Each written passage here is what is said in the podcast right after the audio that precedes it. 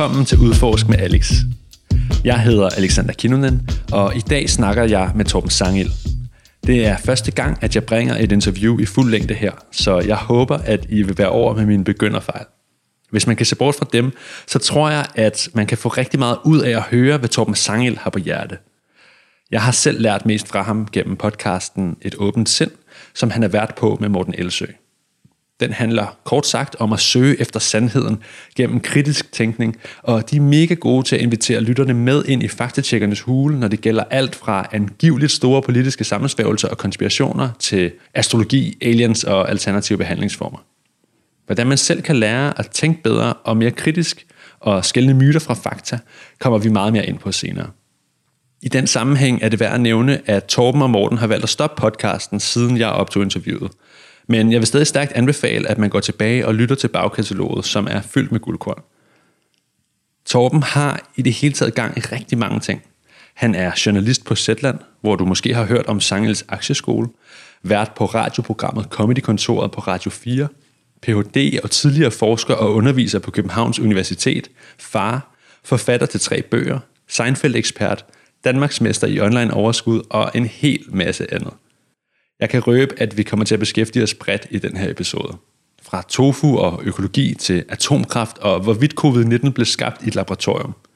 Fra månelandinger og 5 kroner på overarmen til Pizzagate og at blive lukket ude af selveste Facebook. Intet er heldigt. Jeg lover, at det nok skal blive spændende. Lad os komme i gang. Hej Torben. Hej. Tak fordi du ville være med. Selvfølgelig. Nu fik jeg jo lige uh, ramset en hel masse titler op på dig. Hvordan ser du dig selv? Jeg er også sådan en, der laver alt muligt, og, og den løseste overordnede betegnelse er freelancer, eller som jeg har kaldt det på Facebook, professionel nysgerrig. Hvad er du særligt nysgerrig på? Jamen, det er jo ret mange forskellige ting, og de hænger ikke nødvendigvis alle sammen sammen. Så altså, jeg har på et tidspunkt øh, opregnet nogle af de ting, der ikke interesserer mig. Og, og nogle af de ting er så også faktisk begyndt at interessere mig. Men det er faktisk nemmere at, at ligesom sige de ting, jeg ikke er nysgerrig på. Det, det, det kalder jeg for mine uinteresser. De få ting, er, der ikke interesserer mig. Så egentlig, så, øh, dybest set, så er alt interessant, hvis man går ned i det med den rigtige nysgerrighed. Vil du også kunne gøre det med nogle af de ting, der står på din uinteresseliste, tror du? Ja, der står for eksempel tofu, som jeg synes nok er den kedeligste spise i verden. Øh, nu ved jeg, at du er veganer, så du er sikkert glad for tofu, siger min fordom mig. men, øh, men jeg synes bare, det, det, det, den, den, den er sådan lidt, det virker sådan lidt overflødigt. Og det står på min liste øh, blandt mange andre ting. Men jeg er sikker på, og jeg har allerede fået antydninger af fra tofu-elskere, at hvis man først går ned i tofu-verdenen, så er den rasende interessant, fordi der er nemlig mange forskellige slags tofu, og det ene med det andet. Hvordan definerer du kritisk tænkning, og hvorfor er det vigtigt? Kritisk tænkning, det er jo faktisk en åben tænkning, som ikke skal forveksles med en mistænksom tænkning, som er den konspiratoriske, hvor man er sikker på, at der er en eller anden større konspiration. Det er ikke en kritisk tænkning. Kritisk tænkning er en, hvor man undersøger tingene kritisk. De påstande, teorier osv., man bliver mødt med, Øh, så går man ud og undersøger dem kritisk og rationelt, og er bevidst om fejlslutninger og bias og alt muligt andet, der, der følger i det, det vi kalder for tankefælder nogle gange. Øh, og til det hører også en, en, øh, en ydmyghed, altså at man ved, at man ikke er verdensmester i at tænke rationelt, for det er vi ikke. Vi tænker forfærdeligt, altså vi er så dumme. Vores hjerne er slet ikke. Vores hjerne er dybest set gearet til at orientere sig i en natur og i en lille social sammenhæng, som en gruppe er. Det er det, vores hjerne er gearet til. Den er ikke gearet til at forstå den hyperkomplekse globale verden, vi lever i, og til at forstå data og videnskab og sådan noget. Så selv videnskabsfolk begår jo hele tiden fejl og begår de der tankefælder og sådan noget, men vi har opfundet nogle videnskabelige metoder, der er blevet forfinet til at undgå, at man falder i de der fælder, og nogle måder, at videnskab skal publiceres på, hvor man også gør rede for, hvad er der af metodiske øh, ting og sager, der ligger bag, og sådan noget, så andre kan kigge ind efter kunder. Og alle de der ting, det er noget af det, der, der kendetegner kritisk tænkning, det er, at man hele tiden undersøger andres og ens egne påstande kritisk, logisk, rationelt. Og hvorfor er det så vigtigt, især i sådan en øh, digital tidsalder, hvor vi nemlig ikke bare sidder rundt om bålet? Fordi der er så meget misinformation, Der er så meget, øh, nu nævnte jeg kvaksalveri, men altså også alle mulige andre former for, for snyd og bedrag og manipulation, fake news og konspirationsteorier og alt muligt. Altså der er, det fylder faktisk ret meget, så det er jo svært. Det er jo et spørgsmål om at kunne navigere og det er i virkeligheden på en måde overskriften for vores podcast, hvordan man kan navigere, navigere i denne her enormt øh, komplekse informationsstrøm, hvor det kan være svært at finde ud af, jamen, de der siger det, og de der siger det, og hvordan kan vi afgøre, hvad der er rigtigt? Det prøver vi at give nogle redskaber til, og det er den kritiske tænkningsredskaber. Kan du komme med nogle eksempler på, hvordan man kan gå til for eksempel en påstand, og så være kritisk over for den? Altså, det er jo nemmest, hvis du har en konkret påstand, men det kan jeg jo faktisk godt lige øh, komme med. Ja. De er inspireret af jeres program, har jeg taget nogle påstande med. Nå. Det er ikke noget, hvor jeg skal prøve at få dig, sådan som Morten og, og du plejer sådan lidt at gøre i hvert fald.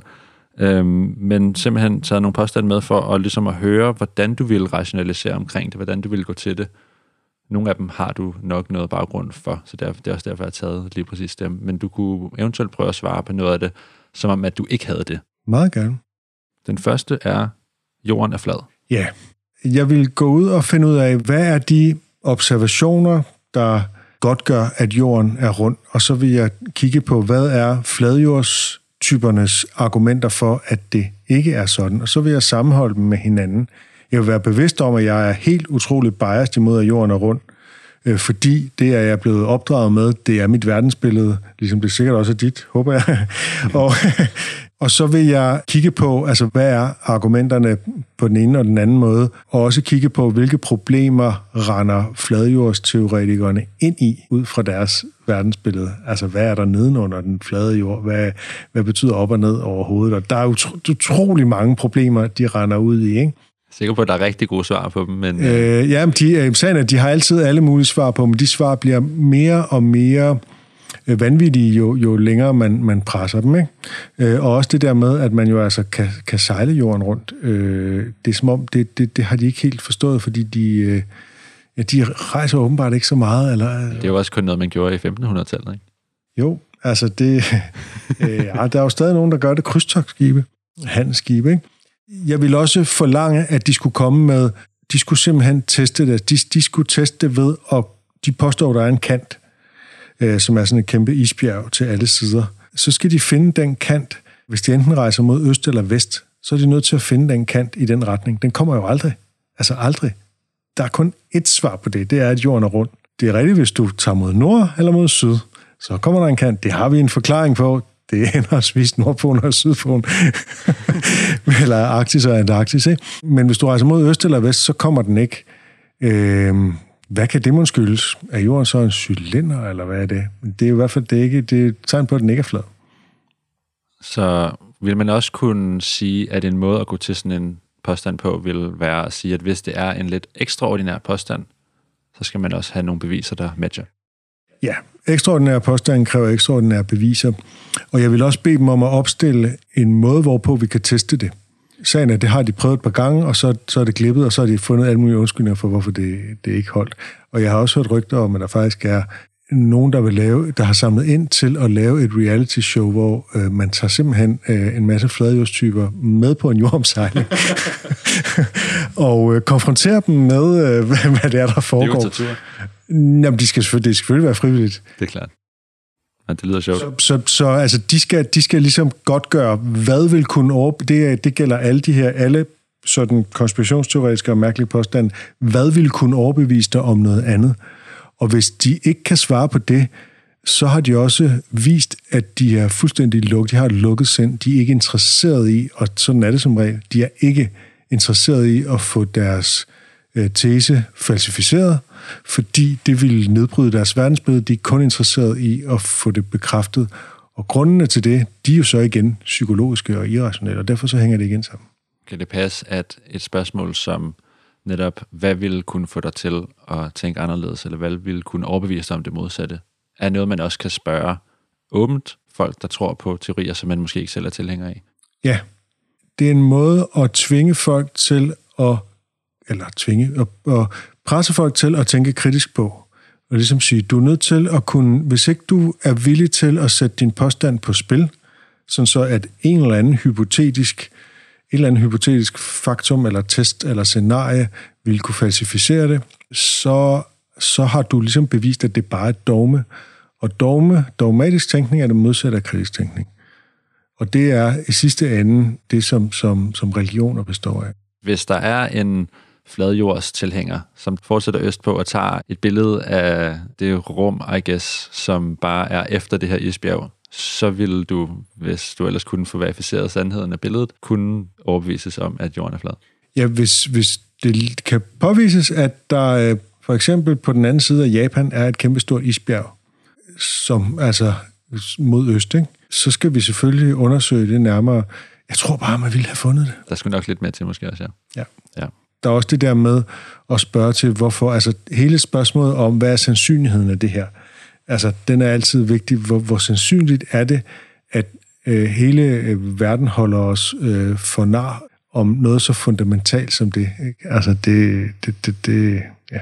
Ja, det er selvfølgelig også en skildpadde, øh, der er under jorden. Det kom virkelig... Ja, det er rigtigt. Og, øh, og hvem er bærer så skildpadden? Det gør en elefant, eller hvad er det der? Ja, flere skildpadder, Nej, det er elefanten, der bærer jorden, og så bærer skildpadden elefanten. Er det ikke sådan der? Noget af den stil. Mm, den kan vi vist godt uh, putte fup på, den med, at jorden er flad. Hvad med, at covid-19 er blevet skabt i et laboratorium?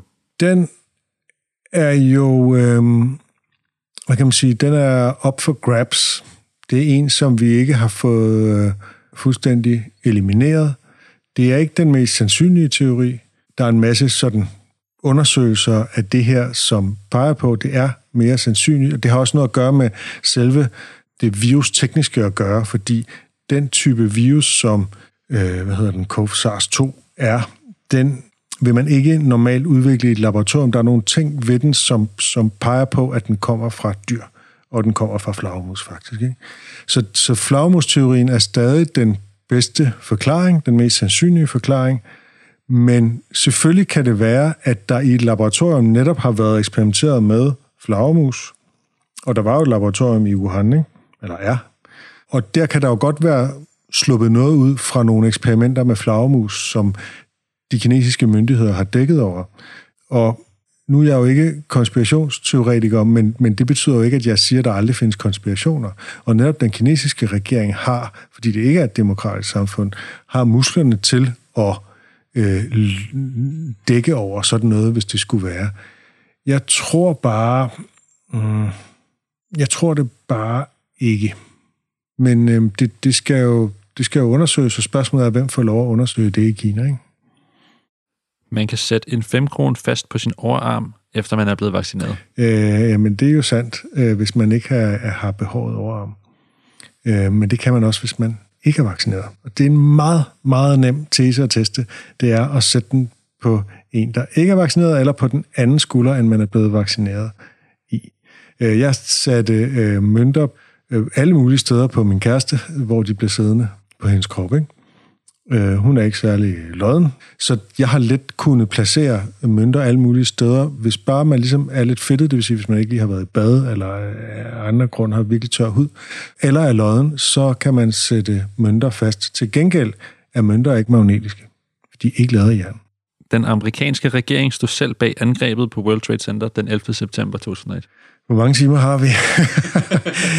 altså, der er ikke rigtig nogen god teori om, hvad det så var, der skete. Der er ikke nogen øh, rigtig gode indiger, som peger i den retning. Dem, som man får smidt i hovedet, når man siger, den konspirationsteori tror jeg ikke på, de er som regel øh, ret lette at øh, tilbagevise. Altså alene dobbeltheden i, at der skulle være to vidt forskellige motiver. Nemlig den ene, at have en undskyldning for at invadere Irak, og den anden, at en jødisk boligspekulant skulle have nogle forsikringspenge for bygning 7, øh, at de skulle kunne forenes i en og samme plan, som ingen har opdaget eller sladret om, og smuglet en masse øh, øh sprængstoffer ind i bygningerne. Altså den forklaring, som ligesom bliver skitseret øh, og som man aldrig vil være særlig konkret omkring, den er så helt utrolig usandsynlig. Og det glemmer man tit at kigge på, fordi man ligesom bare kan stille spørgsmålstegn ved det, der hedder den officielle forklaring, og det må man sandelig også gerne. Der kan også være nuancer i den øh, officielle forklaring, der skal, der skal ændres, og der var også, man var blevet advaret om et angreb fra al-Qaida, og det prøvede man at, at ligesom dække over fra CIA's side, men det er øh, formentlig den, den eneste konspiration, der var i den anledning. Altså alt peger på, at selve angrebet var sådan, som vi siger, men det er jo, altså, der er utrolig mange deldiskussioner i det. Og så kommer Niels Heide og siger én ting, og så kommer nogle andre og siger noget andet. Og... Men der er utrolig mange tvivlsomme påstande derude, øh, som man må undersøge enkeltvis. Plus at man hele tiden skal holde sig for øje, at det er en ekstraordinær påstand, selvom den efterhånden er meget udbredt, men det er stadig en ekstraordinær påstand, at det skulle være et inside job. Og hele motivationen er absurd, nemlig at man skulle have en undskyldning for at invadere Irak. Det havde man jo allerede, nemlig at Saddam Hussein havde masseødelæggelsesvåben, og det viste sig at være løgn. Og hvem afslørede det? Ja, det gjorde sgu da mainstream-medierne. Så altså, det kom jo frem, og, og så kan man spørge sig, var det, øh, altså sagde øh, den amerikanske efterretningstjeneste det i god tro? Det gjorde de måske, men de tog i hvert fald fejl, og de sagde det med en sikkerhed, som de ikke skulle have sagt det, og alt det der. Og nu skal jeg nok snart stoppe, men det er bare, det er et kæmpe kompleks af påstande, det der, ikke? Hvilke konspirationsteorier har vist sig at være rigtige?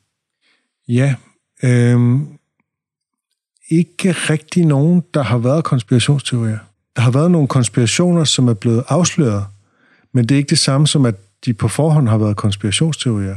Altså konspirationsteorier er jo noget, som konspirationsteoretikere går og udbreder en masse teorier om, men altså, det er rigtigt, at hvis vi tager sådan noget som Watergate-skandalen med Richard Nixon, øh, aflytningen aflytning af, af demokraterne, så blev det i en uge eller to, altså jeg kan ikke huske præcis hvor lang tid, men i ret kort tid blev det kaldt for en konspirationsteori, men så blev det afsløret, ikke? Men det vil sige, det nåede ikke at vokse sig som en stor konspirationsteori. Det var bare noget, nogen lidt håndligt sagde. Så spørgsmålet er, hvornår kan man sige, at noget er en konspirationsteori? Er det nok, at der er et par, der drillende siger, at det der vist lidt er en konspirationsteori? Det er jo ikke det, jeg forstår ved konspirationsteori. Der forstår jeg jo nogen, som i overvis har nogle ihærdige tilhængere, der siger, at der ligger en større konspiration bag. Jeg synes, der er en, en, en forskel der. Men der er jo konspirationer, der bliver afsløret, og de bliver netop som regel afsløret af de instanser, som konspirationsteoretikere ikke stoler på, nemlig journalister, faktatjekker, rets, retsvæsen, efterretningstjenester og alt sådan noget. Ikke? Og nogle gange er whistleblower. Nu er vi meget godt tilbage i, øh, i nogenlunde den tid, som til den næste påstand. Månelandingen i 1969 fandt aldrig sted. Der kan man jo undersøge, hvad der skulle være grundene til at antage det. Og samtlige grunde er videnskabelige fuldstændig ja, på månen. Det kan man meget let påvise. Altså det er sådan ligesom, det er noget med øh, flaget, hvordan det blaffer, og lyset, hvordan det er, sådan noget. Det kan alt sammen forklares fuldstændig simpelt, hvis man ellers har en lille smule viden om astronomi. Jeg er ikke astronom, det er ikke mig, der har, men jeg kan jo læse nogle virkelig simple forklaringer. Det er de konspirationsteorier, der er aller, aller lettest at tilbagevise. Så man skal lede efter beviser på det modsatte af, hvad man tror. Man skal, man skal spørge nogen, der har forstand på det. Er det rigtigt, at et flag ikke ville se sådan ud på månen? Er det rigtigt, at lyset ikke kan være sådan på månen? Man skal ikke bare tro, at der er en eller anden konspirationsteoretiker, der siger, nej, sådan er det ikke op på månen, der vil det være sådan og sådan. Hvad, hvad ved de om det? Det tror jeg, at øh, astronomer ved en hel del mere om. Det kan jo nogle gange være svært at skelne imellem eksperter på et område, og så nogen, der fremgiver sig for at være eksperter. Og nogle gange kan de to ting jo også godt smelte lidt sammen. Hvordan kan man overhovedet skelne mellem de ting? Ja, og man skal ikke altid tro, at nogen, der har en bestemt titel, at de så nødvendigvis tænker kritisk, fordi det er netop ikke en del af, hvad kan man sige, titelbeskrivelsen i, i, i nogle fag. Men der er meget bekendt, det kan være, altså fejl, men meget bekendt er der ikke nogen astronomer eller astronauter, der påstår, at månelanding ikke har fundet sted. Det kan være, altså fejl.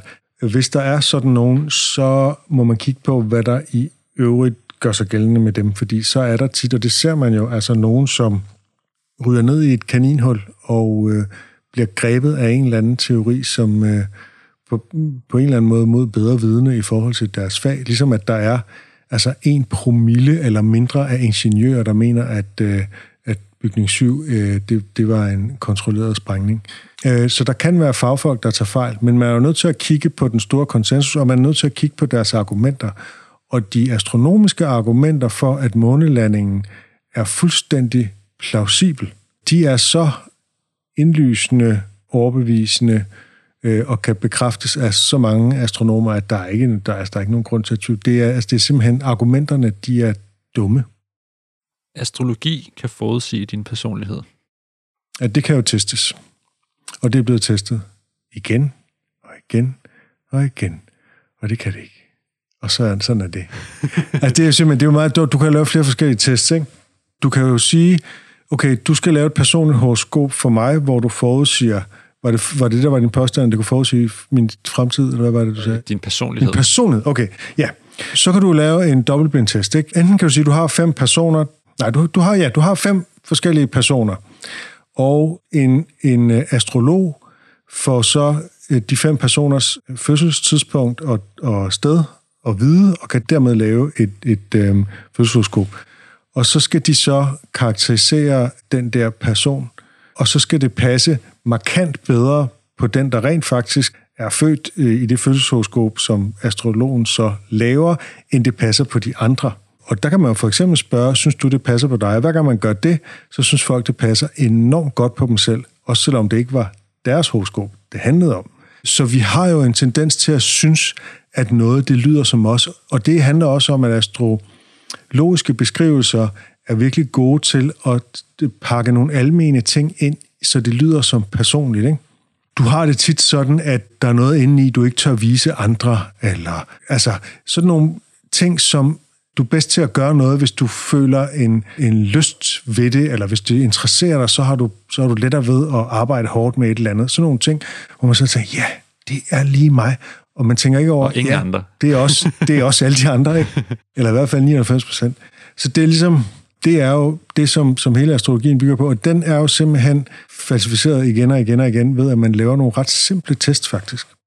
Så ligesom med månlanding, så er det ret simpelt at tilbagevise astrologien, men den har en enorm udbredelse, og altså det, det er virkelig noget, der har tag i folk, og også lige i øjeblikket, ikke? fordi det på en eller anden måde er nemmere end noget så komplekst som øh, psykologi, så, så ligger der et eller andet besnærende i tanken om, at øh, hvordan planeterne de stod, da man blev født, det er afgørende for en. Så får du simpelthen serveret en personlighedsbeskrivelse. Så er der også noget selvoptaget i det. Vi vil enormt gerne høre om, hvordan vi er. Ikke? Så derfor så, hvis der er et horoskop eller en, en, en øh, astrologisk beskrivelse, der ligesom kan gøre det, jamen, så vil vi enormt gerne høre det. Det er jo lidt af samme grund, som personlighedstest er enormt populær, men de bygger jo dog på noget, nemlig på en undersøgelse, og ikke på en eller anden magisk tænkning alt, hvad der er naturligt, er godt.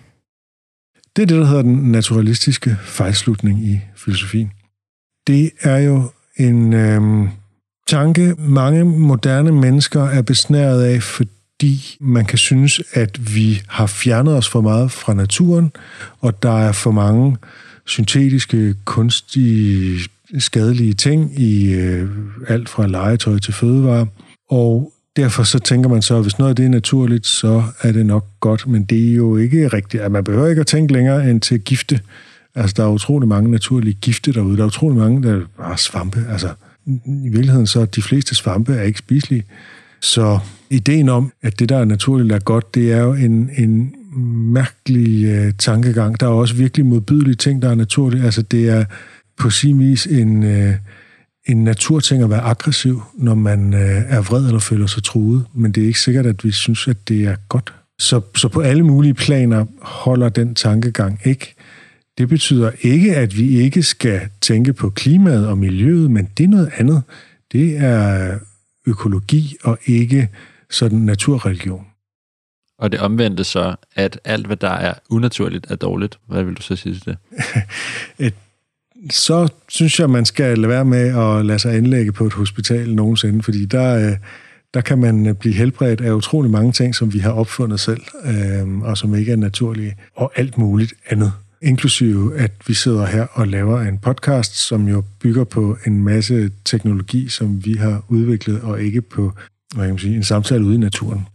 Og vi sidder i en, en bygning, som mennesker har bygget, ganske vist delvis af naturmaterialer, men også med brug af, af materialer, som vi selv har udviklet, tror jeg. Ikke?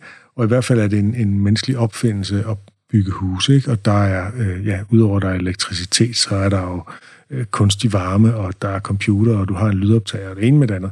Øh, og det er jo ting, som vi sætter pris på, men selvfølgelig skal man hele tiden også forholde sig kritisk til den teknologiske udvikling, som, øh, som finder sted. Men altså, det er en, en påstand, som er meget nem at tilbagevise, og at der er ikke, jeg tror ikke, der er nogen, ja, det skal jeg ikke så sige, men at hvis man mener det, så, så skal man også leve et virkelig, virkelig besværligt liv.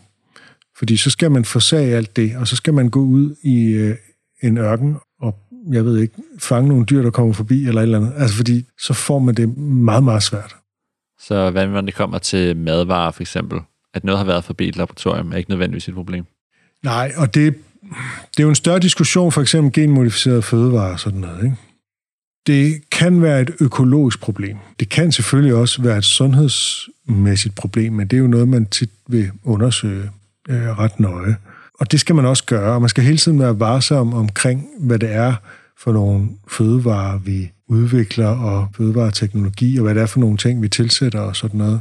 Men man skal heller ikke være så fundamentalistisk, at man ikke accepterer, at øh, der bliver tilsat noget, der forlænger holdbarheden af ting, der skal transporteres eller sådan noget. Altså allerede det, at vi har udviklet sorter, og altså vi skal jo ikke tro, at når vi spiser en broccoli, at det så er en eller anden øh, naturplante. Det er jo en forædling af grundplanten kål, som er den samme som rødkål og hvidkål og alt muligt andet, men det har man forædlet i alle mulige retninger, og en af dem er blevet til broccoli, ikke? Da jeg lærte det, der var jeg også sådan øh, ja. pænt overrasket. Pal- palmekål og hvidkål for eksempel minder jo ikke på første øjekast om hinanden, men øh, ja. man kan en hel masse. Og der skal, skal man bare, man skal bare huske på, at hele vores landbrug, øh, gardneri, øh, fødevare øh, bygger på, at vi allerede for tusindvis af år siden begyndte at pille ved det, der bare var derude i naturen. Ikke? Fra ulv til lille ja, mops. altså nu ved jeg ikke, om det er rigtigt, at, at hunden oprindeligt stammer fra ulven, fordi der er jo en eller anden øh, hund, men det kan godt være, at du har ret. Lad os bare sige i hvert fald forskellen inden for hundefamilien, ja. uanset hvor de skulle stamme fra. Ja, Ja, og det er jo det. Altså, men sagen er, hvis man, hvis man bare lader hunde formere sig ude i det frie naturligt med hvem de vil, og, og ikke en dyreræs, så, så nærmer de sig jo sådan en lidt kedelig sådan urhund, uanset hvad der sker. Ikke? Det vil de simpelthen gøre på ret kort tid, på ret få generationer.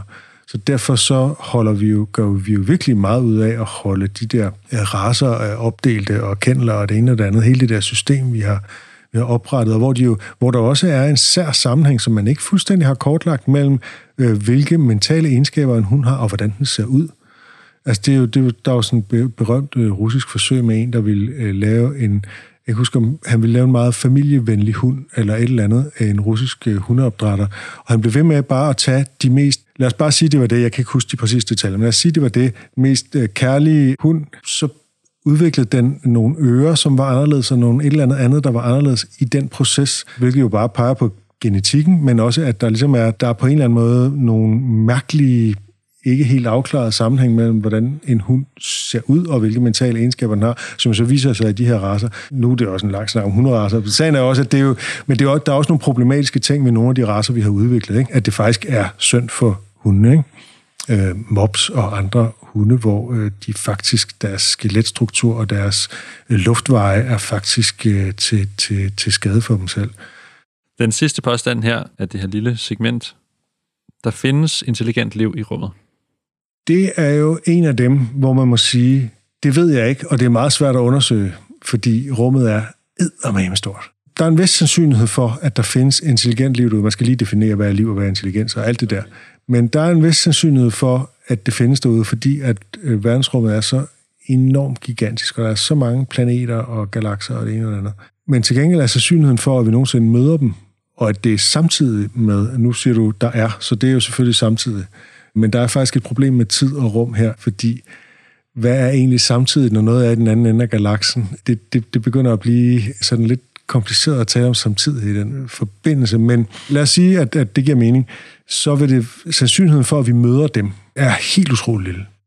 Så det er ikke noget, du lige uh, ser komme i, i din levetid, at der skulle lande sådan et, Nej. et objekt på jorden? Altså sandsynligheden for, at de har en teknologi, hvormed de kan rejse ud i verden, og at de så vælger at tage til denne her lille det her lille solsystem i denne her afart af Mælkevejen er helt, helt, helt utrolig lille. Hvordan skulle de opdage os? Fordi intelligent liv behøver jo ikke at være noget, som er tusind gange mere teknologisk avanceret end vores. Det skal jo sådan set bare være på et eller andet neandertal-niveau, eller måske lavere endnu på hundeniveau, eller altså bare på pattedyrsniveau i det hele taget. Ikke? Når man laver en eller anden beregning, siger, sandsynligvis er der fem andre steder, hvor der er intelligent liv lad os bare sige det, det er en fiktiv beregning, så vil sandsynligheden være større for, at de fire andre steder, at det er øh, mindre intelligent end vores. Den vil være ret stor. Lad os så sige, at der er en af dem, der er mere intelligent end os.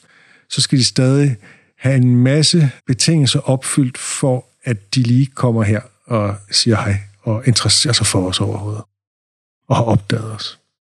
Er der nogle teorier, det kunne være om alt muligt, hvor du har ændret mening i løbet af de seneste par år? Der er i hvert fald en ting, jeg har ændret markant holdning til, og det er atomkraft. Jeg er ligesom vokset op med, hvad skal jeg væk, Barsebæk og sådan noget, ikke? Noget, der hed 80'erne. Tjernobyl-katastrofen var ligesom beviset på, at atomkraft var en rigtig dårlig ting. Og selvom min fysiklærer i gymnasiet kom med nogle forklaringer på, hvor, hvor dårligt et atomkraftværk det var, og hvor mange fejl, der blev begået, og, og sådan er det slet ikke, og sådan, så var jeg ligesom bare, ja ja, cut the crap. Der var også øh, øh, træmiljøen, og så kom der så det her i jordskælvet i Japan.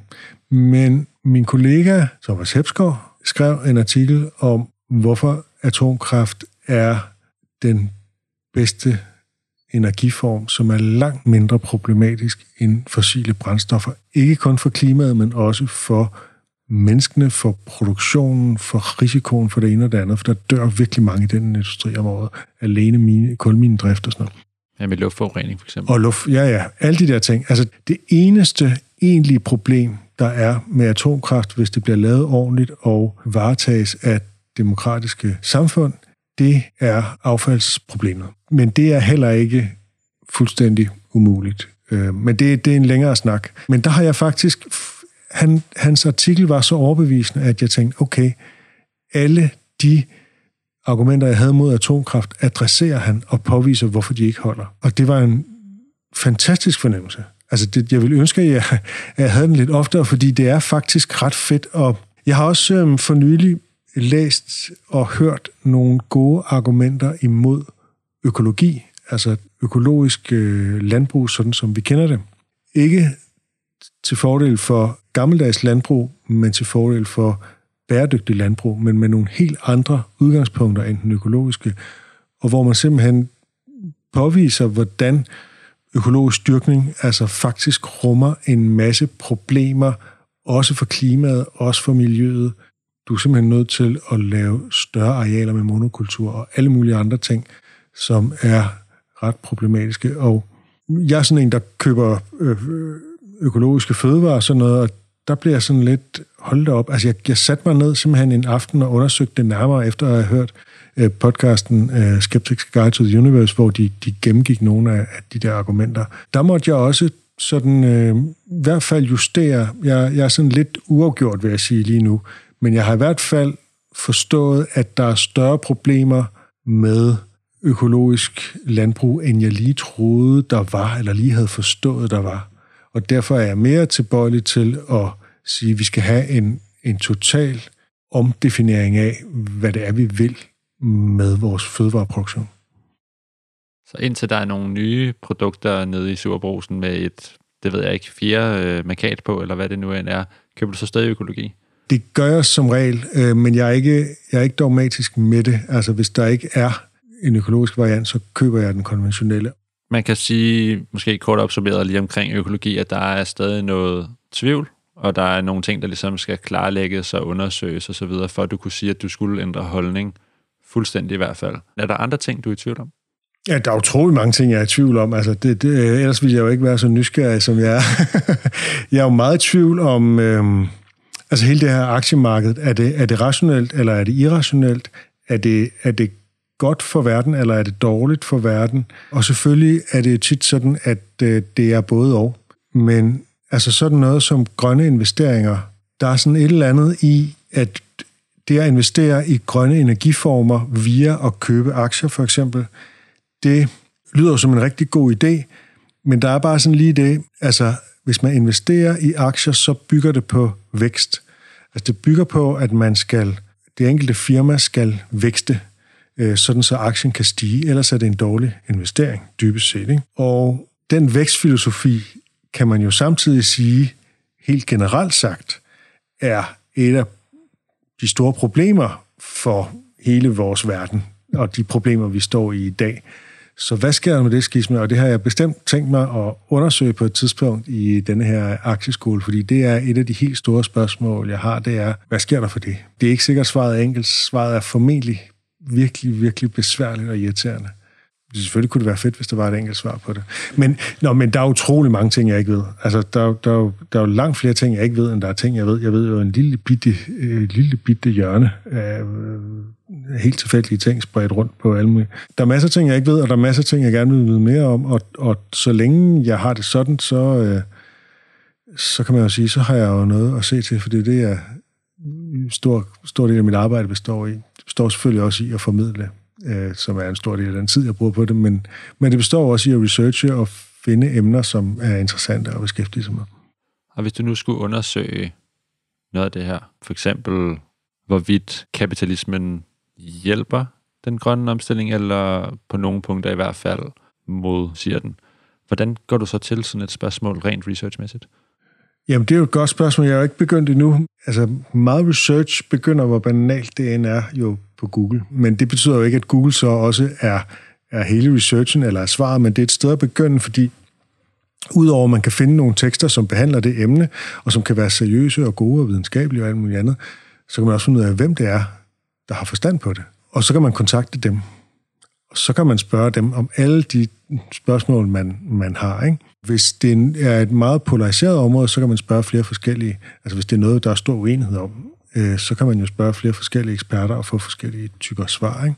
Så det vil umiddelbart være min måde. Det vil være at se, hvad ligger der allerede af svar på det spørgsmål derude, fordi det er nok ikke mig, der er den første, der stiller spørgsmålet, fordi det er på en eller anden måde et oplagt spørgsmål at stille. Jeg så også lige, at øh, Lars Tvede, som er sådan en, en øh, liberalistisk øh, investortype, han siger, at den grønne omstilling er slet ikke grøn. Jeg har ikke øh, læst, han har skrevet en eller anden klumme om det, og han har en masse tal og ting, som ligesom skulle bevise, at den grønne omstilling ikke er grøn. Og det vil jeg selvfølgelig også undersøge det aspekt. Hvad mener han med det?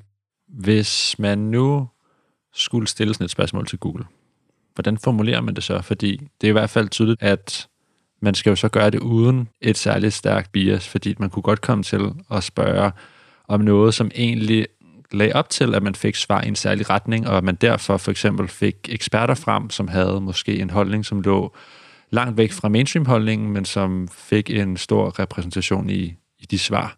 Jeg er sådan af den lidt gamle skole, hvor jeg skriver nogle søgeord. Ikke? Så jeg vil jo så skrive noget med grøn omstilling marked, eller grøn omstilling investering, grøn omstilling investering, problemer, så har du ligesom begge dele af den, fordi jeg forestiller mig umiddelbart, det er jo noget, jeg skal teste af. Jeg skal jo se, hvad der kommer. Det er jo trial and error, ikke?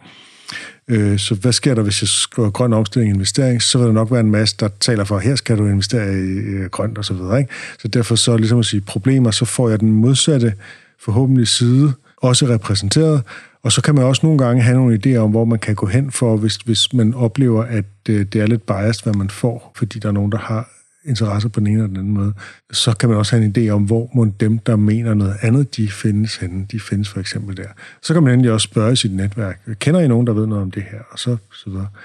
Så tit så ender det jo med, at jeg skal snakke med nogle eksperter, men det kan også være, at der er skrevet en bog, der hedder How the Green Omstilling is a Problem. eller et eller andet, ikke?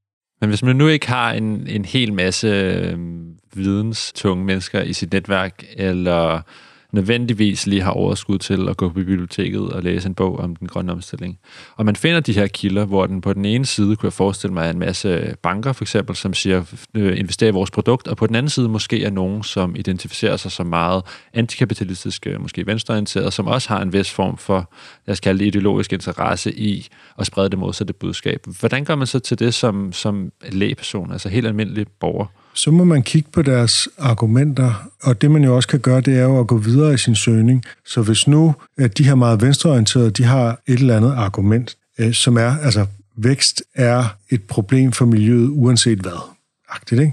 så må man finde en eller anden måde at søge på det på og se, er der nogen, der har kommet med et modargument til det og sådan noget. Det kan være lidt, lidt kompliceret, men så kan man jo gå til den der bank og spørge, hvad siger I til det, eller hvem det nu måtte være. Ikke? Og omvendt, så der er jo den mulighed at gå i dialog med dem der, hvis man ellers, det er nemmere, når man er journalist, end hvis man bare er lægperson, det ved jeg godt. Men ellers så må man også vurdere, altså, hvor gode er argumenterne. Det var det, jeg gjorde med det her med økologi. Altså, der kiggede jeg virkelig både på øh, den ene og den anden. Der havde jeg ligesom begge sådan synspunkter repræsenteret, altså stærkt for økologi, stærkt imod økologi. Og så tog jeg argumenterne hver for sig, argumenterne for økologi og argumenterne imod økologi, og så ligesom modsvarende som de andre kom med, og sætte dem op over for hinanden. Og det har jeg så i et dokument inde i Evernote. Og der lød det altså til, at kritikken af økologi vandt på point. Så derfor er jeg i gang med måske at revidere lidt min holdning til det. Kunne den, nu, nu bliver det lidt specifikt lige med økologi selvfølgelig, men jeg er også bare lige selv interesseret i det, fordi jeg har ikke selv undersøgt det på den måde. Kunne det være sådan, at du ændrede holdning til at købe konventionelt frem for økologi, sådan det, som det ser ud i dag, eller skulle der ligesom være et andet produkt, et andet mærkning, hvad vi kunne kalde det, før du ville synes, at det overordnet set gav bedre mening end økologi? Det afhænger også lidt af fødevarens type. Altså, jeg er for eksempel ikke blevet overbevist om, at økologiske æg er en dårlig idé, og at buræg er en bedre idé. Så der vil jeg skulle, nu ved jeg, at du ikke køber æg, men det, det gør jeg så, der vil jeg skulle øh, virkelig kigge dybt i sådan nogle dyreetiske overvejelser over, altså, jeg ved godt, der er noget med, at høns, de hakker hinanden i økologiske øh, opdræt og sådan noget. Men jeg vil skulle have nogle sådan ret overbevisende redegørelser for det der, som ikke er, er, er nogen, der allerede er på en eller anden fløj, for jeg bliver overbevist om, at buræg er lige så godt. Hvis vi har to asparges, og den ene den kommer fra Chile, og den anden den kommer fra et eller andet øh, sjællandsk landbrug, og den chilenske er økologisk, og den sjællandske ikke er, så vil jeg sagtens skulle overbevise mig selv om, at den sjællandske er den bedste at købe. Også selvom du havde noget information, der sagde, at den på Sjælland havde stået i et opvarmet drivhus og brugt mere vand, for eksempel, og havde højere klimaaftryk. Nej, det, så skulle der så altså sådan nogle argumenter der ligger nogle antagelser. på banen. Ja, ja. Og det er jo det. Og problemet er, at som almindelige forbrugere, der hver dag går ud og køber en masse mad, fordi vi skal have noget at spise, der kan vi simpelthen ikke sætte os ind i alle de detaljer. Altså, ja, det er virkelig svært. Sætlands øh, miljø- og klimaskribent, som, som jeg før har nævnt, Thomas Hepsgaard, altså, han er jo flere gange blevet bedt om at lave sådan en liste over alle fødevarer, hvad kan så betale sig, og hvad kan ikke betale sig. Det er så komplekst, at den artikel kan simpelthen ikke laves. Altså, man, man kan lave en artikel om asparges, og så vil den, øh, så vil den øh, konkludere, at det er meget komplekst. Altså fordi det, det er simpelthen, øh, det er, der er så mange ting at tage hensyn til, og de er ikke nødvendigvis, de peger ikke nødvendigvis i samme retning. For der kan være ting ved den økologiske dyrkning, som netop gør, at man bruger mere vand, øh, eller altså alle sådan nogle ting der, ikke? Øh, avocado er en meget populær spise, men det bruger jo sindssygt meget vand, og det skal samtidig transporteres fra alle mulige steder og sådan noget, ikke? Men mange, som tænker økologisk og tænker i at spise sundt og helseagtigt og sådan noget, øh, og som er meget miljøbevidste, de elsker avocado. Ikke? Det er et problem for dem. Og der er endda nogle andre aspekter, måske lige sådan en afgrøde som avocado. Der også kan være nogle menneskerettighedsmæssige spørgsmål. Ja, det er så også, ja, og det gælder jo mange af vores fødevarer. Jeg ved, det er noget, du selv har beskæftiget dig med der, ikke? Og der er kaffe og chokolade, og jeg ved ikke hvad. Der er jo virkelig nogle ting der, som, som man kan kan grave længe i, og som også øh, går i en anden retning end økologi, eller ikke økologi, men som handler om, hvordan bliver dem, der egentlig udvinder det her, behandlet. Ikke? Så det er meget komplekst at være forbruger. Man kan prøve at gøre noget, men egentlig må der også påvile et ansvar hos supermarkederne i, hvad det er for nogle varer, de har på hylderne, at de tjekker for os, hvad er egentlig kæden i det her, hvordan hen i oprindelseslandet øh, hvor kakaoen bliver høstet. Hvordan foregår det der? Jeg vil godt lige komme tilbage til lidt om det her med kritisk tænkning og konspirationer og teorier. Jeg har stødt på ordet flik, eller sammensætningen af ord flik, F-L-I-C-C. Kan du øh, forklare, hvad det står for, og hvordan man bruger det? Det er en forkortelse, som en australsk klimaforsker har lavet til at øh, lave et, et kort over de hyppigste måder at afvise videnskabelige resultater på fra klimafornægtere, altså dem, der fornægter, at der skulle være et klimaproblem. De fornægter ikke, at der er et klima. Trods alt. Trods alt. Men det, det grund til, at vi har taget det op i et åbent sind og gennemgået det ret nøje, det er, at det her jo gælder videnskab i det hele taget. Så ikke kun klimavidenskab? Nej, det er nogle, mange af dem er jo ikke nogen, han har fundet på. Det er sådan nogle generelle fejlslutninger, som man kender som henholdsvis formelle og især uformelle fejlslutninger, som, som folk tit øh, begår, og derfor har vi taget det op og givet nogle eksempler, som sjældent har været fra klima, men som har været fra alt muligt andet. Ikke? Det står for, skal jeg ikke huske, hvad det står for, øh, altså det sidste C er i hvert fald konspirationsteorier, conspiracy theories. Jeg kan ringe til en ven, hvis du vil. Ja, tak. Fordi, fordi jeg kan det, er jo, ikke det er ikke en test i, om nej, du kan huske det. det er helt jeg kan fint. ikke huske det. er simpelthen bare forkortelser for forskellige øh, dele af det her. Ikke? Ja, må jeg supplere? Ja. Det første F er fake experts. Så kommer logical fallacies, ja. impossible expectations, ja. cherry picking, og så som du sagde, conspiracy theories. Ja, lige præcis. Det kan jeg selvfølgelig godt genkende, når du siger ja. det. Men det er heller ikke de nemmeste ord lige at, at have Nej. let på tungen. Og de er jo så, mange af dem er så underinddelt i flere eller færre underkategorier, ikke? Og den er slet ikke udtømmende, men det var bare, netop fordi den var afgrænset, fordi hvis man først tager fat i alle fejlslutninger, der ligesom er på den, det helt store kort, er både formelle og uformelle fejlslutninger, så er man oppe på århundrede, ikke? Og så bliver det et langt program. Så, så det har været en måde for os at gå ned i de her, hvad er det for nogle tankefælder, som vi alle sammen ligesom øh, falder i, og debatfælder, som vi også kalder det, altså ting, som man bruger til at forsvare det, man sagde, men som er sådan lidt urent trav, ikke? som er dårlig debatskik, som ikke holder. Er der nogle af dem, som du synes, du støder på i for eksempel danske medielandskab? Øh, ja lidt ledende spurgt. Ja, lidt ledende spurgt. Altså, den, øh, stråmanden er måske den allerhyppigste af dem, hvis vi taler om debat unoder, ikke? Det er jo det, at man gør modpartens påstand mere banal eller dum, end den er, sådan så den er nemmere at skyde ned. Bevidst eller ubevidst, så undlader man at lægge mærke til de nuancer, der måtte være i, i det oprindelige udsagn, sådan så man bedre kan skyde ned. Politikere bruger det hele tiden. Altså i alle politiske debatter. Og det er meget frustrerende, fordi det, øh, det gør, at de debatter bliver meget ufrugtbare. Og måden, som jo også bare er helt vildt nederen rent formidlingsmæssigt, og gøre det anderledes på, det er jo, at man skal bede modparten om at gentage, hvad det var for et argument, den anden lige havde. Men det er faktisk en god øvelse at øve sig i at argumentere for modpartens øh, synspunkt, for simpelthen at forstå, hvad er det egentlig, de øh, lægger vægt på for et argument. Jeg kan ikke lade være med at tænke på samtidig, at det vel egentlig også giver ret god mening i en, lad os kalde det, mindre kritisk sammenhæng, lad os sige en sammenhæng, hvor vi bare taler om noget, hvor der er muligheder for misforståelser. At i stedet for at antage, at den anden står for en eller anden holdning, eller har sagt noget, som også betyder noget andet, så i virkeligheden at gentage med sin egen ord, hvad man troede, ens samtalepartner sagde. Og problemet er, at det er helt utroligt usekset. Altså hele tiden at sige, det jeg hørte dig sige er sådan og sådan. Altså man forestiller sig, at Clemen Kærsgaards debatten var på den måde. Det ville helt sikkert blive en mere konstruktiv debat, men øh, seerne ville falde fra som fluer. Ikke? Og det er jo problemet, at øh, vi vil gerne, vi kan godt lide, debat betyder jo egentlig øh, slåskamp, ikke? Vi kan godt lide den der øh, kamp på ord, hvor der er folk er hurtige i replikken, og dog, dog, men det giver bare ikke den øh, sådan savligt set bedste debat. Lad os tage en debat. Det kunne godt være en debat med en øh, coronaskeptiker, og så nogle forskellige videnskabsfolk, og så måske en journalist eller to, eller hvad man nu end kunne forestille sig.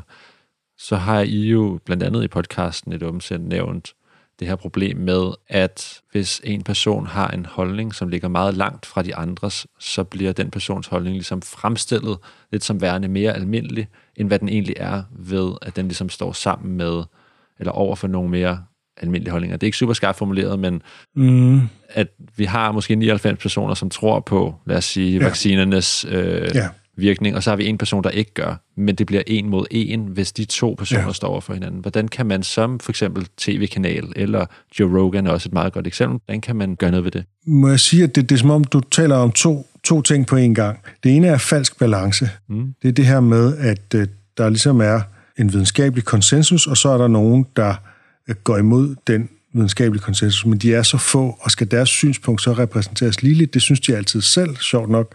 Ja, man hører dem aldrig sige, ja, vi er kun en promille, men... Øh, Øh, og, og derfor så skal vi ikke høre særlig meget. Nej, de synes altid, at de skal høres lige så meget som de øh, 999 øh, andre. Det er dem, der har sandheden. Ja, lige præcis. Og det peger så på den anden side af det, som er, at der er jo noget, der hedder fakta. Problemet er, altså holdninger og fakta er ikke det samme. Jeg er med på, at det nogle gange kan være sådan, at det, øh, det er mere kompliceret end som så, men i udgangspunktet, især når vi taler om, om videnskab, og når vi taler om konspirationsteorier, så er problemet ikke, at konspirationsteoretikerne, dem der benægter corona, de har en anden holdning. Det er, at de benægter noget, som er påvist, nemlig at corona findes.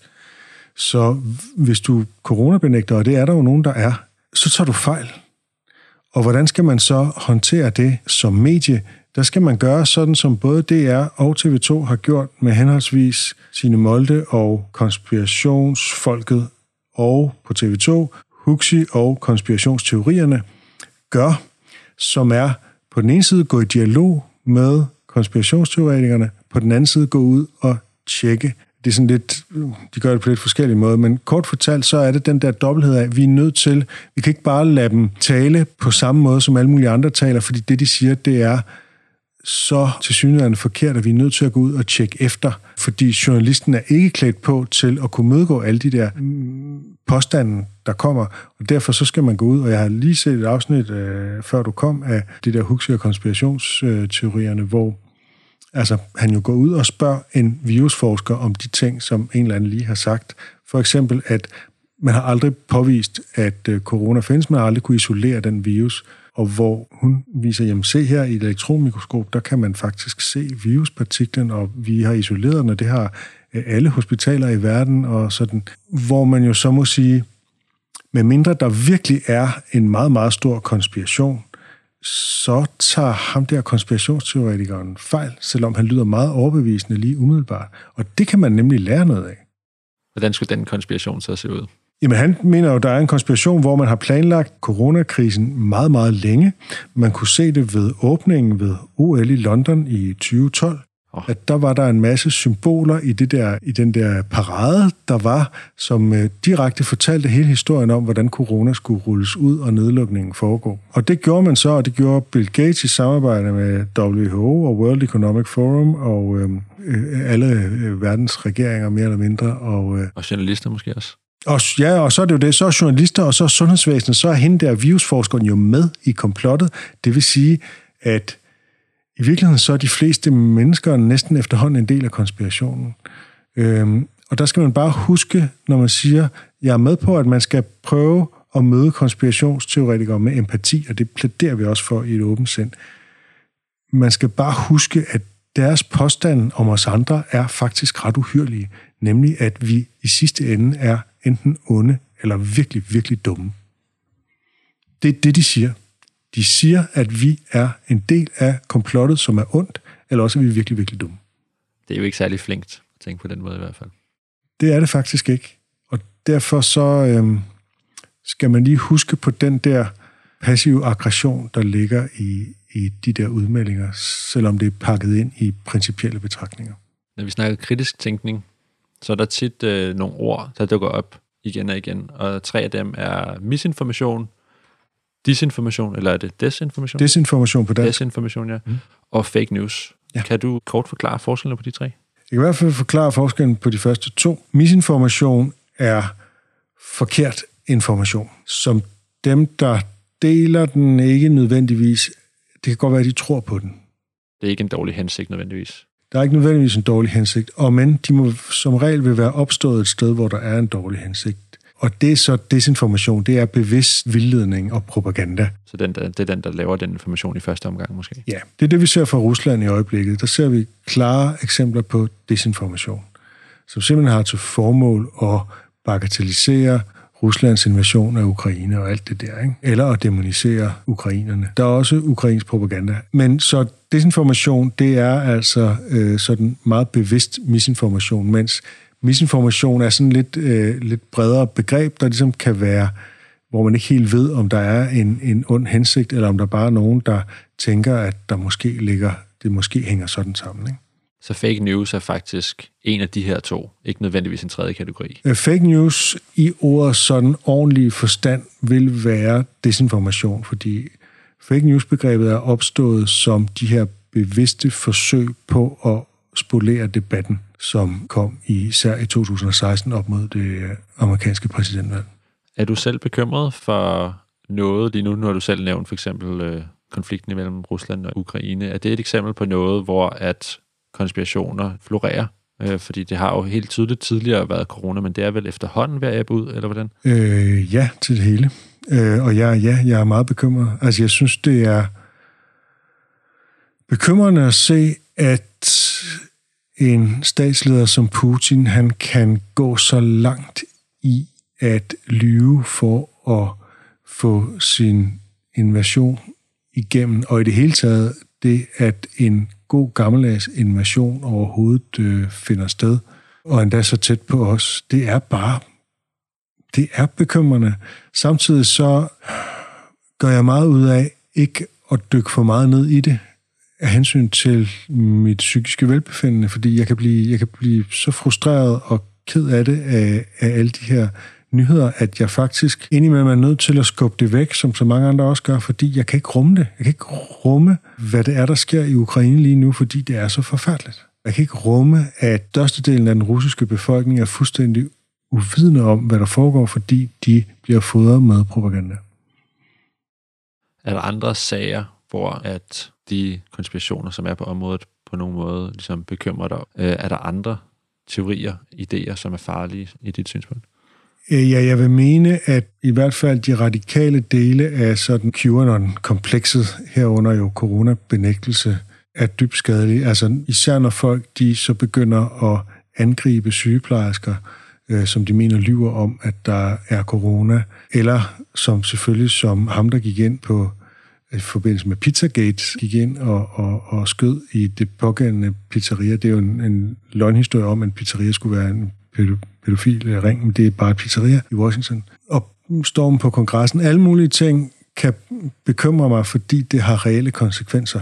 Det bekymrer mig mindre, at nogen de tror, at jorden er flad, eller at månelandingen ikke har fået sted, fordi de har ikke særlig mange konsekvenser ude i den, den store virkelighed. De kan ligesom, de kan ligesom have, have deres egen parallelle virkelighed der, men den har ikke så meget med politik at gøre. Sagen er jo selvfølgelig, at de tit er de samme mennesker, men det er så en anden snak. Men i sig selv er de ikke super skadelige, men dem, der ligesom handler om en krig eller et samfund eller navngivende personer, som det derfor er legitimt at øh, slå ihjel eller hænge ud på nettet eller ødelægge deres forretning, som er tilfældet med ham pizzeriamanden, som helt almindelig øh, pizzamand. Ikke? Det, har jeg, det har jeg svært ved at kapere. Er der nogle af de her ting, som virker til at være blevet importeret til Danmark også? Du nævner ja. blandt andet QAnon. Det er jo altså umiddelbart et amerikansk fænomen. Ja, og derfor så, øh, man tror, man ligesom bare kan øh, overføre det til Danmark. Ikke? Det, det, er, det er simpelthen øh, en form for parallel kulturimport fra USA. Ikke? Altså, der er jo meget sådan øh, det, man kalder kulturimperialisme fra USA. Det gælder også på konspirationsområdet. De er alle sammen fostret i, i USA stort set. Og så tilpasser man nogle gange lige lidt danske forhold, men for det meste så gider man ikke engang det. Så overtager man det bare direkte, så det vil sige, at jamen, det, det hele kommer til at handle om Bill Gates og, og Hollywood og, og Hillary Clinton og øh, når jeg også Mette Frederiksen. Altså det er sådan lidt, så, så kommer hun ligesom bare i halen af det. Men det skal selvfølgelig siges, at der er jo, der er jo ting omkring regeringens øh, coronanedlukning og minkskandalen og andre ting, som, som er kritisable og, og sms'er og det ene og det andet. Og det skal man jo kigge på, men det er jo også det, man gør. Det er jo rigtig kritik det er jo, når man tager fat i de ting, som rent faktisk er et problem, i stedet for at fantasere om, at der er en eller anden større konspiration. Ikke? Husker jeg rigtigt, hvis du i en periode i hvert fald blev udelukket fra Facebook på baggrund af noget, du havde delt om QAnon? Det er rigtigt, og det er fordi, at Facebooks robotter troede, at jeg var QAnon-tilhænger, og de anså QAnon som en farlig bevægelse. det mærkelige er, at der er adskillige QAnon-tilhængere, som ikke har været ude for det, som jeg var ved bare.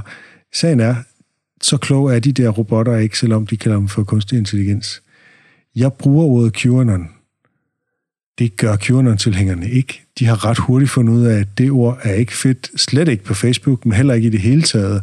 Det handler mere om, at de er, at de er vågne, og de er, øh, kan se, hvad der i virkeligheden sker, og sådan noget. Ikke? Der er sket en udvikling fra i 2016, 17, 18. Der var 19 også.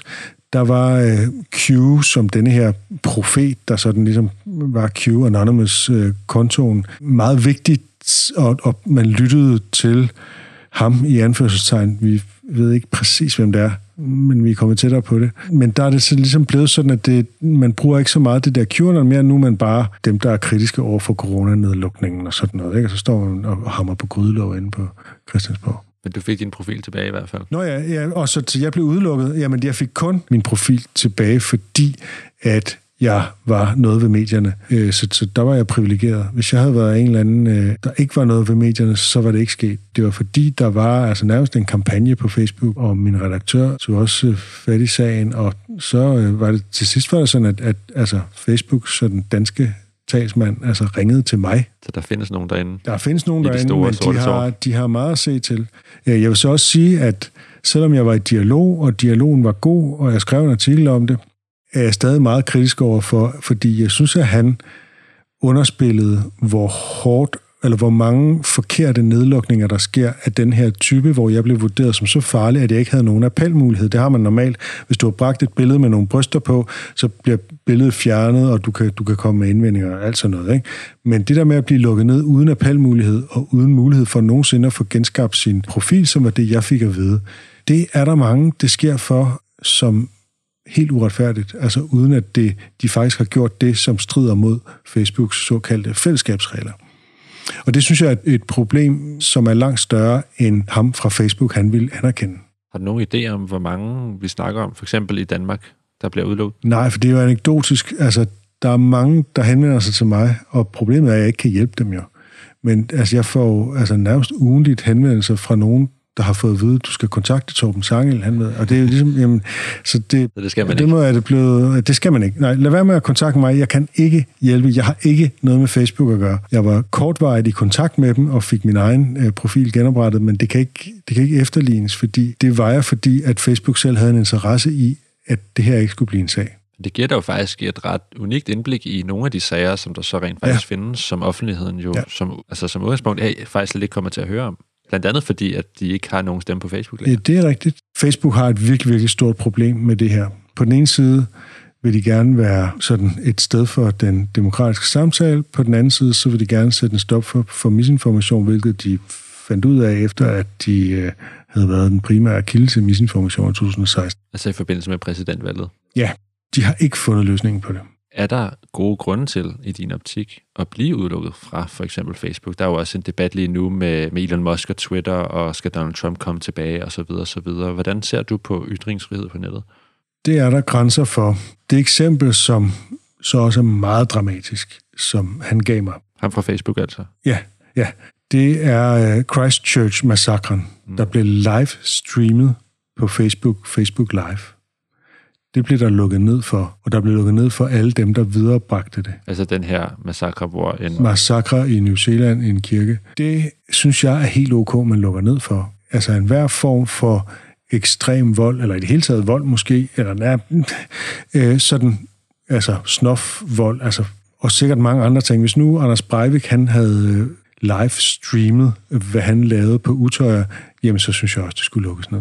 Skulle han så også udelukkes for altid for nogensinde at poste noget igen?